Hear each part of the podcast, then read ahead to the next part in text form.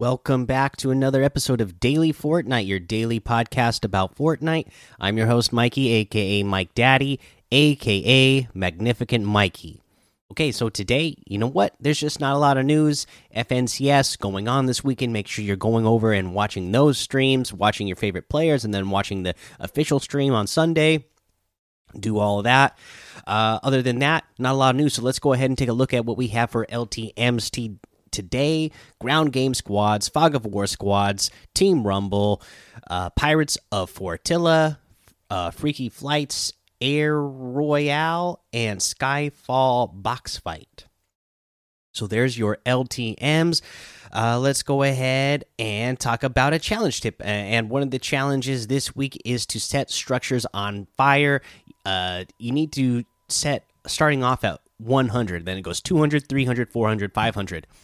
Now, I did this in two matches just by uh, throwing fireflies at uh, things, firefly jars at things, and shooting a primal flame bow at things, and just everything that catches on fire counts towards it. So you'll get stuff racked up really fast, and it's anything, any, any you can do it to trees. So you can head over to Weeping Woods, uh, throw a firefly on a tree, and then all the trees around Weeping Woods are going to catch fire around it and you'll get a lot of structures done that way. You can throw uh, a firefly jar or a, shoot a flame bow into inside of a house, and everything that burns up inside of it is going to count as well as well as each wall and floor of the house.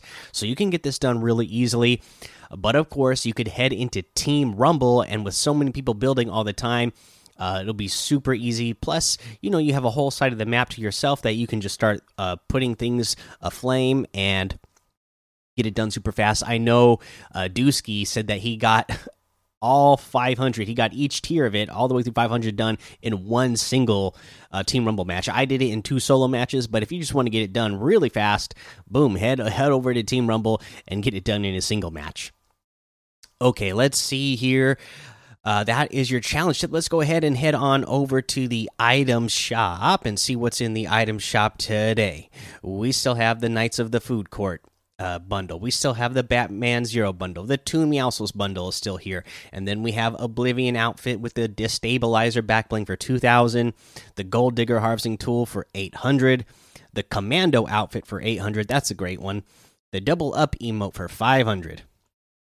The uh, Angelfish wrap for 500. The Take 14 emote for 200. The uh, Dream outfit with the Shattered Wing backbling for 1,200. The Luminous outfit with the Lunar Light backbling for 1,500. The Astral Axe harvesting tool for 1,200. The Shard Break wrap for 500. The Arcana glider 1,200. The Sklaxis outfit with the Spinal Blade backbling for 1,500. The Bone Fangs harvesting tool for 800. The Neon Venom wrap for 300 uh, and, you know, that Sklaxis definitely fits in with this season really well.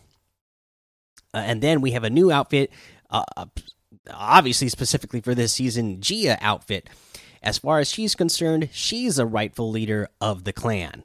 And this is Gia. Uh, she is uh, looks a lot like Tarana, and you know they're both part of the Bone Punk set. So I, I can't wait to uh, see what fans come up with, what the lore is going to be in the fans, and uh, I can't wait to see if Fortnite actually gives us any actual lore behind these characters, like through loading screens or through the their uh, their social media, whatever it's going to be.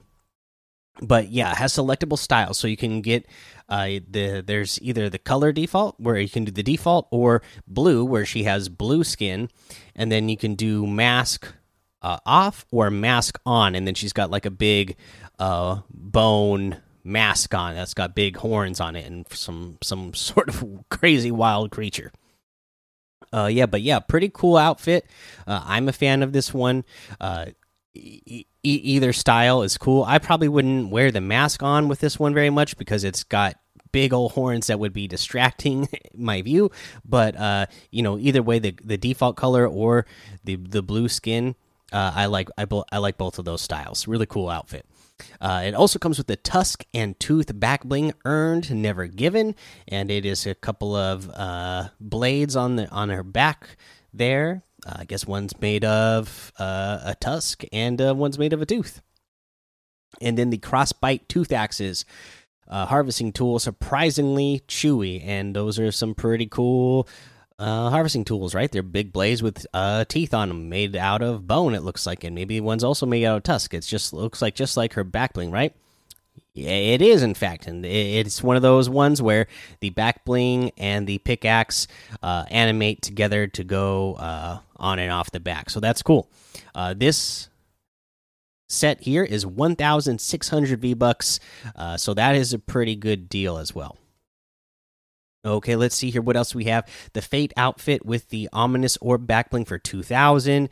The Omen outfit with the Battle Shroud backbling for 2000. The Faded Frame Harvesting Tool for 800. The Oracle Axe Harvesting Tool for 1200. The Split Wing Glider for 1200. And uh, we have Pele's Air Punch in here for 200. Fancy Footwork Emote for 500 we got kick up emote for 500. The red card emote for 200. The air horn emote for 200. And uh, we have all of the soccer outfits, the one the soccer outfits that have the actual uh the the actual soccer club's logos on them and it's all the models 1500 uh, V bucks each. So just choose whichever model character you like, and you still will have all the choices of uh, whatever is your favorite soccer club that you want to represent. All right, there is your item shop. Remember, you can get any and all of these items using code Mikey M M M I K I E in the item shop. Item shop, and some of the proceeds will go to help support the show. Uh, let's go ahead and talk about a tip of the day. And you know what? We're still in the middle of Wild Week 1, and it is wild how much fire is going around.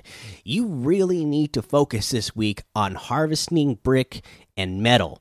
Okay, because you don't want to get to the end game and have a whole bunch of wood, but hardly any uh, brick and metal be building up only for somebody with a flame bow or firefly jar to come over, throw it on your builds, especially if it's all wood built. You're just going to become crumbling down, or even if you have everything secured uh, and you're not falling down right away, you're going to be stuck in a pretty bad predicament where you're going to just be uh, set on fire. And remember, it's doing 15 ticks of damage right now. So it's doing more damage than it normally would. So you really don't want to be taking that damage. Uh, 15 damage that fast. Uh, you know that, that's no good. So save yourself the trouble of getting set on fire and uh, make sure you have a lot of bricks saved up and a lot of metal saved up for the end game. That way uh, when see when people are trying to throw firefly jars on you and their flame bows at you they won't be able to burn you down. All right guys that's the episode for today. Make sure you go into the daily Fortnite Discord and hang out with us. Follow me over on Twitch, Twitter, and YouTube. Head over to Apple Podcasts, leave a five star rating and a written review for a shout out on the show. Uh, you know what? Speaking of YouTube, uh, now that I just remember, I got a new a video up today showing uh, my updated locker, everything that I've unlocked this season. So go check that out. And then until next time, have fun, be safe, and don't get lost in the storm.